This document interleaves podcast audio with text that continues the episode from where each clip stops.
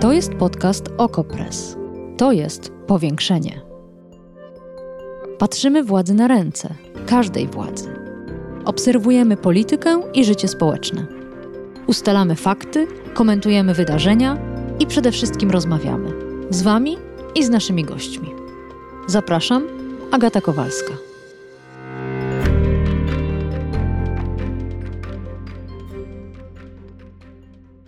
Izium to tam może rozstrzygnąć się ta wojna. Tak pisały media w ciągu ostatnich kilku dni. Czy rzeczywiście tam? I gdzie to jest? Co robią Rosjanie? Jak bronią się Ukraińcy? I czy nasze polskie czołgi mogą się przydać? O tym wszystkim dzisiaj w powiększeniu. Zapraszam.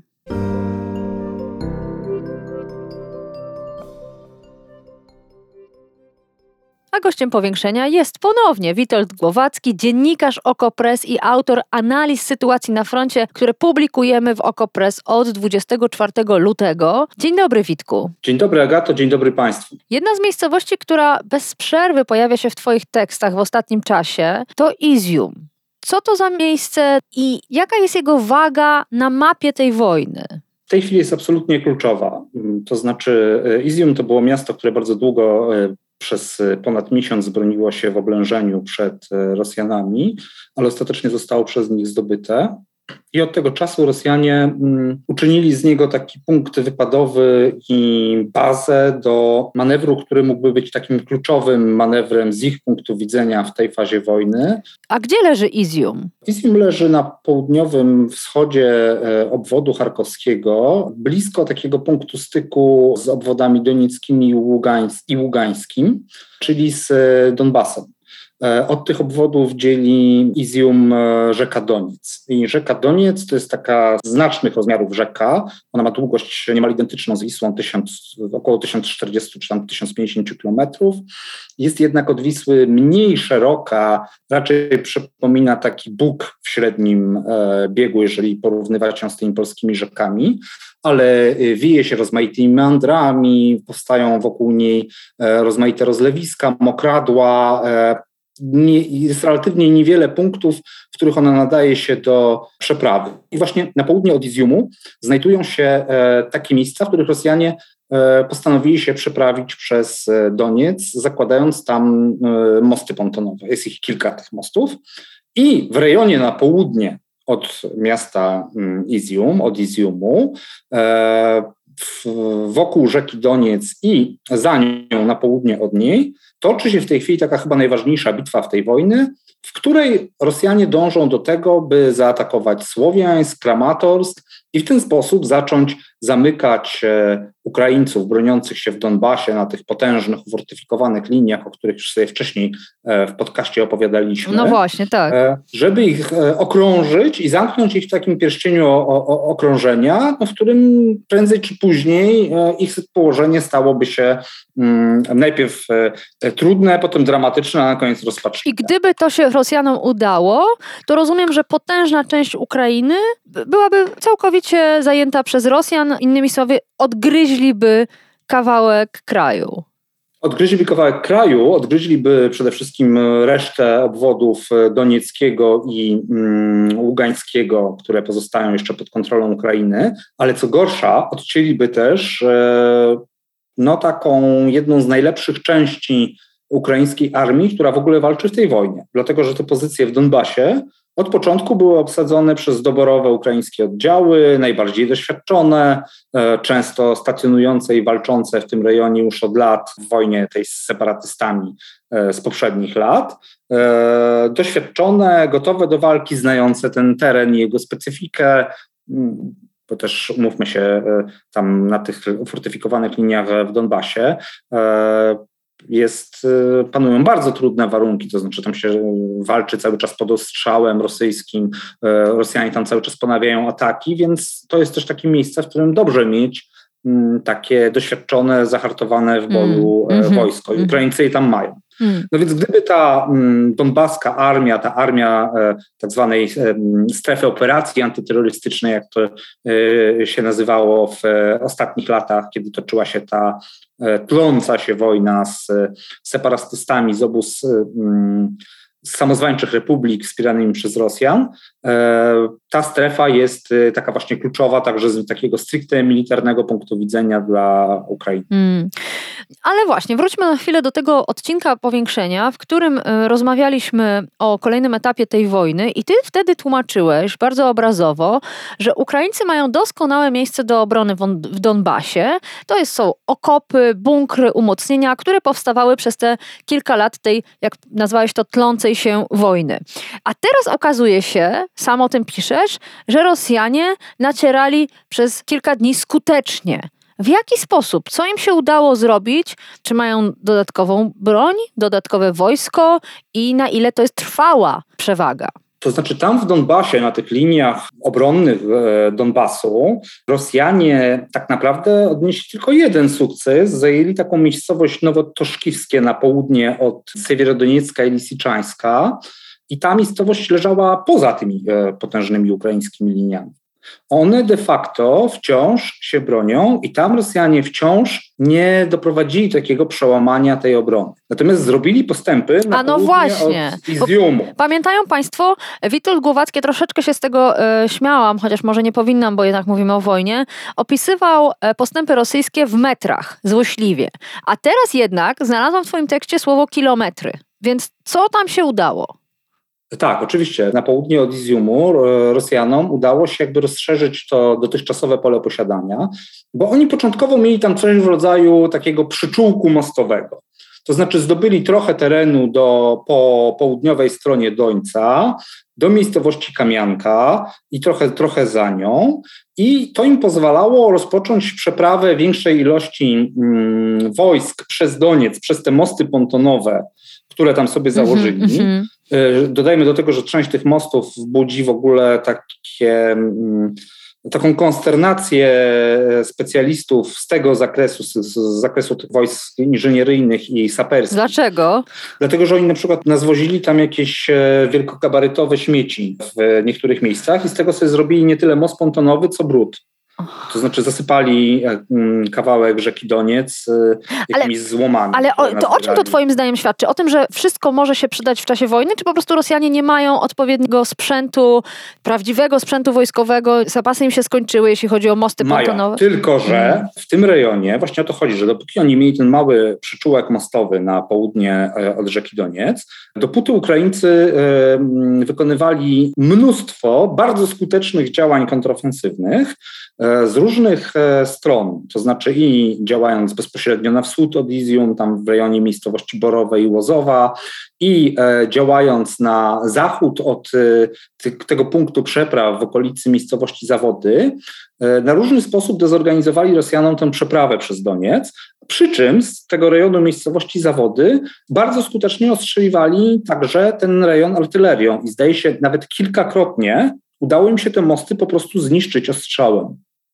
E, oni tego nie komunikowali w sposób jakiś e, szczególnie przejrzysty ani jasny, więc tak naprawdę nie wiemy, co się stało, ale były takie momenty, w których pojawiały się bardzo wyraźne przerwy w rosyjskich działaniach, które musiały się brać z tego, że przynajmniej część z tych kilku mostów pontonowych została zniszczona przez Ukraińców, czy to e, ostrzałem artylerii koordynowanym przez drony, takim precyzyjnym, znamy go z wielu różnych miejsc tej wojny, Ukraińcy wykorzystują do tego często takie drony wręcz e, cywilne, takie, które można sobie kupić e, za na przykład nie wiem, 3000 zł e, w, w normalnej dystrybucji. Po prostu taki dron. W sklepie z dronami.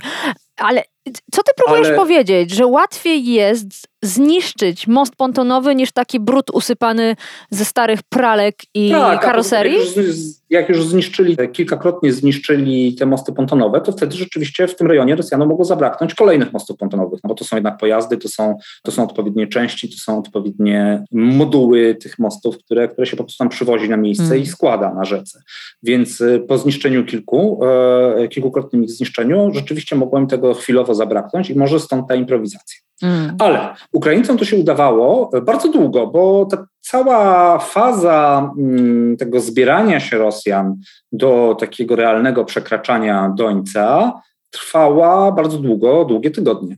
I kilka razy przynajmniej musiało się udać Ukraińcom bardzo tak właśnie skutecznie tę przeprawę zaburzyć. No i niestety w tych ostatnich dniach, pod koniec tego mijającego tygodnia, około środy, czwartku, Rosjanie zdołali odepchnąć Ukraińców z tych punktów, z których oni ten ostrzał e, prowadzili, czy też mogli prowadzić, e, z których mieli w razie czego blisko do wykonania jakichś takich manewrów w rodzaju uderzenie na flankę tych, e, tego rosyjskiego natarcia, wyparli ich z tej miejscowości zawody i odrzucili kilka, kilkanaście kilometrów na zachód.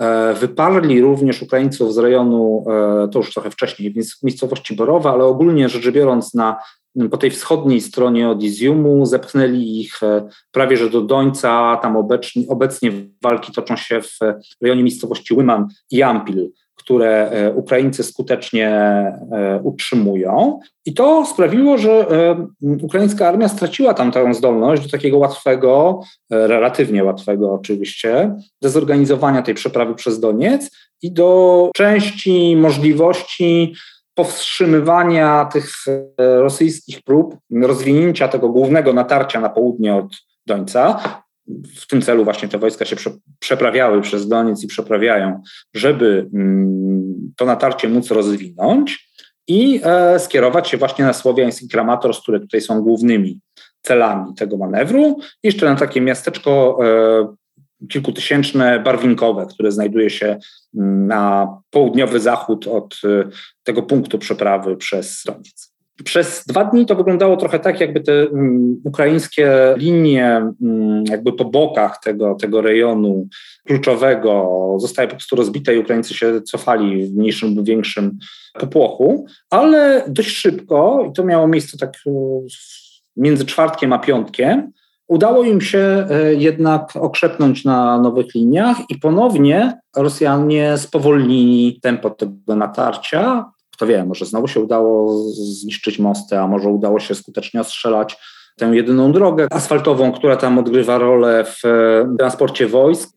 Jednocześnie podejrzewam, że Ukraińcy, zwłaszcza od tej zachodniej strony i od tej południowej strony e, obrony, tam gdzie bronią Słowiańska i e, Kramatorska, czy też są kilkanaście kilometrów na północ od Słowiańska, pewnie otrzyma jakieś wsparcie posiłki. No, na tych głównych liniach które zabezpieczają Słowiańsk i Kramatorsk, Rosjanie nie wykonali żadnych postępów. A no właśnie, no właśnie, bo w, w danej operacji odpychania, mm. odpychania Ukraińców. A no właśnie, bo napisałeś między innymi w tekście, Rosjanom zabrakło impetu do dalszego natarcia, nie wykorzystali e, tej szansy. Co to znaczy, przekładając z wojskowego na polski? Co tam się to mogło znaczy, wydarzyć? Kiedy, kiedy, kiedy, oni rozbili, e, czy też zmusili do wycofania się Ukraińców pod tą miejscowością zawody, mieli e, szansę na przykład wypchnąć ich jeszcze dalej na zachód, a tymczasem ich wypchnęli tak o, powiedzmy o półtorej wsi dalej, więc nie jest to e, coś, co, co tam jednak strasznie jakoś znacząco zmienia mm, reguły gry. Być może nie mieli w bezpośrednim odwodzie czyli już za Dońcem, gotowych do działania kolejnych sił, które mogłyby zmienić te pierwsze, którym udało się wyprzeć Ukraińców z zawodów i okolic, czyli nie mieli takiego drugiego rzutu, nawet nie operacyjnego, tylko taktycznego, bo to, to wszystko nie jest, to nie były działania o jakiejś ogromnej skali. Mm -hmm takiej geograficznej, w sensie to jest wszystko mówimy o, o, o, o, e, boju, który się toczył na przestrzeni e, kilkunastu kilometrów. Jedna ze słuchaczek, pilna czytelniczka Twoich tekstów i wbrew pozorom to nie jestem ja. Takich osób jest mnóstwo, zresztą dziękuję za te wszystkie maile. Myślę, że jak policzyć, to tak około połowa to pytania do redaktora Głowackiego i komentarze do jego tekstów. Oczywiście bardzo za nie dziękuję i pozostałej połowie słuchaczek i słuchaczy też dziękuję za kontakt i pomysły, że nie samą wojną żyjemy. Za to dziękuję. E, ale właśnie wracając, słuchaczka pyta o to, jak Ukraińcy powstrzymali Rosjan, na czym polegał ten ich sukces. Wspomniałeś, że być może otrzymali nowe dostawy broni. Czy to jest najistotniejsze na tym odcinku? Broń, polskie czołgi? Broń jest ogromnie istotna, ale mm, polskie czołgi jakby dopiero mogą wchodzić do użycia. Myślę, że Ukraińcy tam zatrzymali mm, Rosjan po prostu dobrze przemieszczając e, własne posiłki i własne siły. Większość tej ciężkiej broni mm, z dostaw z Polski dopiero wchodzi do użycia, może weszła do użycia w ciągu ostatnich dwóch, nie wiem, trzech dni. No po prostu tyle trwa transport, rozładowanie, tam przygotowanie tych pojazdów do poruszania się już po rozładowaniu ich z pociągów, czy też y, są na różne sposoby transportowane, też często to jest transport y, kołowy. I wcale nie wiem, czy akurat polskie czołgi, czy polskie haubice y, mm, trafiły na ten konkretny odcinek frontu. Tam raczej Ukraińcy od dawna już mają wszystko to, co mają e, najlepszego w swojej armii, bo po prostu też oni doskonale zdawali sobie sprawę z tego, jak ważny jest Że to ten, jest ten punkt. Jak ważna, mm-hmm. jak ważna mm-hmm. jest obrona właśnie słowiańska, mm-hmm. kramatorska i potem e, ewentualnie dalszych miejscowości na drodze Rosjan, żeby nie doszło do tego tak, okrążenia tak, Donbasu. Tak. A jeszcze wracając na chwilę do twoich tekstów, używasz tam pojęć, które prawie zawsze są dla mnie zrozumiałe, ale niektóre nie. Co to jest obrona manewrowa? E, obrona manewrowa to jest e, ciekawe pojęcie, bo e, jeżeli jakaś armia, tak ogłosili Ukraińcy, ogłasza nam, że przeszła do obrony manewrowej, to czasem to może być eufemistyczne maskowanie tego, że zaczął się jakiś odwrót. Szczęśliwie tak nie jest w tym wypadku, bo mówimy o, w kontekście styku obwodów donieckiego i zaporowskiego, czyli teraz rozmawiamy o takim południu Ukrainy. I szczęśliwie to nie jest ten przypadek, bo oni tam naprawdę zaczęli obronę manewrową. A obrona manewrowa polega nie tyle na trzymaniu jednej ufortyfikowanej mniej lub bardziej linii obrony e, i ewentualnym, nie wiem, cofaniu się o kilka kilometrów, jeżeli wrogowi się uda, tylko także na wypuszczaniu rozmaitych e, e, manewrów o charakterze takim kontrofensywnym, czyli troszkę z myśl zasady, że najlepszą obroną bywa atak, można na przykład myśleć o tym, żeby wroga trochę wpuścić w jakiś niekorzystny dla niego teren, a następnie, nie wiem, uderzyć właśnie od boku, od flanki, czy wykonać tak zwany napad ogniowy, artyleryjski, co jest tutaj powszechnie i znakomicie stosowaną przez Ukraińców taktykę. Oni doskonale wykorzystują artylerię także do takiego powstrzymywania właśnie natarć, E, wybierają sobie takie miejsca, w których ogień artylerii będzie mm, miał doskonałe e, pokrycie i będzie mógł się łatwo wstrzelać w poruszającego się w taki sposób, w jaki tam wymusza teren e, wroga. I kiedy dojdzie do tego, że ten wróg się tam znajduje, no to oni mu urządzają takie przysłowiowe piekło, właśnie też koordynując ten ostrzał przez drony, bardzo celnie trafiając, no niemal bezpośrednio na przykład z, sporą sztuką e, w klasycznym rozumowaniu e, na temat artylerii, zwłaszcza tej o dalszym zasięgu. Nie mówimy o ogniu bezpośrednim, kiedy strzelamy na wprost do czołgu, który artylerzysta widzi, tylko mówimy o ogniu pośrednim, czyli prowadzonym e, z takiego punktu, w którym no, nim, artylerzysta nijak nie widzi celu. Widzi go wyłącznie za pośrednictwem operatora drona, który może mu ten ostrzał koordynować, więc y, to są duże wyczyny i to, co robią Ukraińcy z wykorzystaniem artylerii w tej wojnie, to podejrzewam z punktu widzenia artylerzystów i ekspertów od tego rodzaju broni, to jest wręcz arcydzieło. Och, dlatego lubię nasze rozmowy. Zawsze pojawi się w nich jakiś pozytywny akcent, mimo że rozmawiamy o zabijaniu się ludzi nawzajem. Jeszcze jedno pytanie od słuchaczki. Zmieniamy na chwilę miejsce, przenosimy się do Mariupola. Słuchaczka pyta: Skoro w Mariupolu broni się już tylko Azowstal, to czy to oznacza, że Rosjanie w praktyce mają już swój korytarz na Krym i z niego spokojnie korzystają?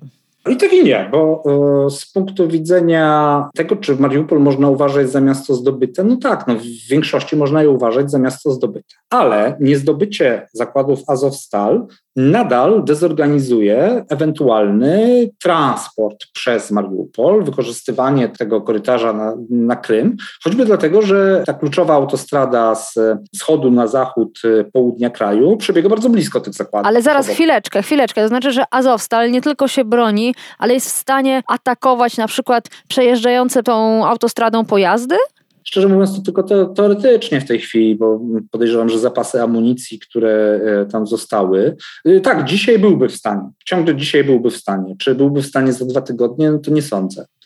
E, dzisiaj ciągle, gdyby ktoś chciał, nie wiem, puścić konwój wojskowy tą autostradą przez Mariupol, to tak, on ciągle byłby w zasięgu tych ukraińskich na przykład moździerzy. A obrońcy Mariupola, którzy są w tym momencie zgromadzeni w tych zakładach Azovstal, mają łączność z resztą ukraińskiej armii i na przykład mogliby dostać sygnał, że taki konwój się zbliża? Też mi się wydaje, że raczej tylko teoretycznie. Oni mają łączność, bo przecież oni nawet publikują w internecie e, nagrania wideo do dzisiaj z e, mm, Azovstalu, więc e, mm, łączność mają jak najbardziej. Mogliby taką informację oczywiście dostać, tylko nie jestem wcale pewien, no, Pamiętajmy, że oni się znajdują jednak w strasznie już trudnym położeniu, są oblężeni. Nie jestem pewien, czy mogliby sobie zorganizować na tyle dogodne warunki, żeby na przykład właśnie wyjść na powierzchnię i z kilku moździerzy naraz skutecznie ostrzelać na autostradę, a potem powrócić mhm. w e, ukrycia czy do tego systemu podziemi. I też umówmy się, to nie jest do końca w tej chwili rola obrony Mariupola, to znaczy mm, nie sądzę, żeby y, obrońcy Azowstalu walczyli akurat to, po to. Oni walczą tam teraz chyba głównie po to, żeby się utrzymać tam jak najdłużej, jak najdłużej wiązać tam rosyjskie wojska. Oni wiążą już ich niestety mniej niż wiązali jeszcze tydzień czy dwa tygodnie temu, bo część tych jednostek rzeczywiście z Mariupola została przesunięta na Zaporoże i tam próbuje atakować ukraińskie linie obrony. No ale wciąż oczywiście broniące się zakłady Azovstal to jest dla Rosjan realny problem, realny kłopot, nie jakaś tam marginalny dystrykt przemysłowy, jak to mówili Putin z Szojgu podczas pamiętnego spotkania, który wciąż sprawia kłopoty, tylko to jest no, ciągle jeszcze kawał terenu, wielki kawał terenu, bo też pamiętajmy, że te zakłady Azovstal są wielkości naprawdę połowy śródmieścia Warszawy. To jest ogromny teren i e, pełen różnych budowli e, z żelbetu, ciężkiej, naprawdę ciężkiej infrastruktury przemysłowej, które też mają tutaj walor obronny, i że to się znajduje w samym środku Mariupola, tak naprawdę go trochę tak przycinają te zakłady. Ich teren dochodzi do prawie samego morza, więc tak, to jest e, poważny problem dla Rosjan. Nie zdążymy już odnieść się do pytań pana Krzysztofa, który napisał, że słucha zawzięcie naszych podcastów. Bardzo za to dziękuję, panie Krzysztofie. I pyta o ewentualny atak nuklearny Rosji na Ukrainę, ale, ale, ale. Panie Krzysztofie, po pierwsze, rozmawialiśmy o tym z Witoldem Głowackim w poprzednim odcinku powiększenia, odsyłam do archiwum, a na dodatek serdecznie polecam panu tekst, który się ukazał dzisiaj na łamach Okopres Witolda Głowackiego, który dokładnie opisuje wszystkie możliwe scenariusze i odpowiada na pana pytania związane z tym zagrożeniem. Więc odsyłam do podcastu, odsyłam do tekstu. Staramy się na bieżąco spełniać państwa potrzeby, jeśli chodzi o informacje i próbę przede wszystkim nie tylko informacje, zrozumienia tego, co się dzieje. A Witoldowi Głowackiemu serdecznie już dziękuję za dzisiejsze spotkanie. No i jedyne, co mogę powiedzieć, to do usłyszenia. Dziękuję, Agato, dziękuję Państwu. Do usłyszenia.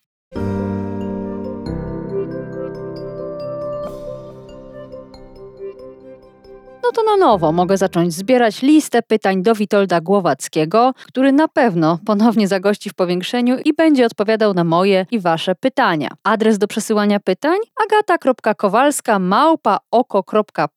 a adres do przesyłania innych, niewojennych tematów, którymi na szczęście wciąż w Polsce możemy żyć, ten sam agata.kowalska. Komentarze, opinie, krytyka to też może spływać do mojej skrzynki. Zachęcam do pisania i serdecznie dziękuję za dotychczasową korespondencję. Do usłyszenia w kolejnym odcinku Powiększenia. Powiększenie. Podcast Okopres. Prowadzenie Agata Kowalska. Podcast znajdziesz na stronie Okopres i w Twojej ulubionej aplikacji do podcastów. Redakcja OKO.press działa od 2016 roku. Jesteśmy obywatelskim narzędziem kontroli władzy, obecnej i każdej następnej. OKO.press utrzymuje się z Waszych darowizn. Wesprzyj nas, byśmy mogli działać dalej.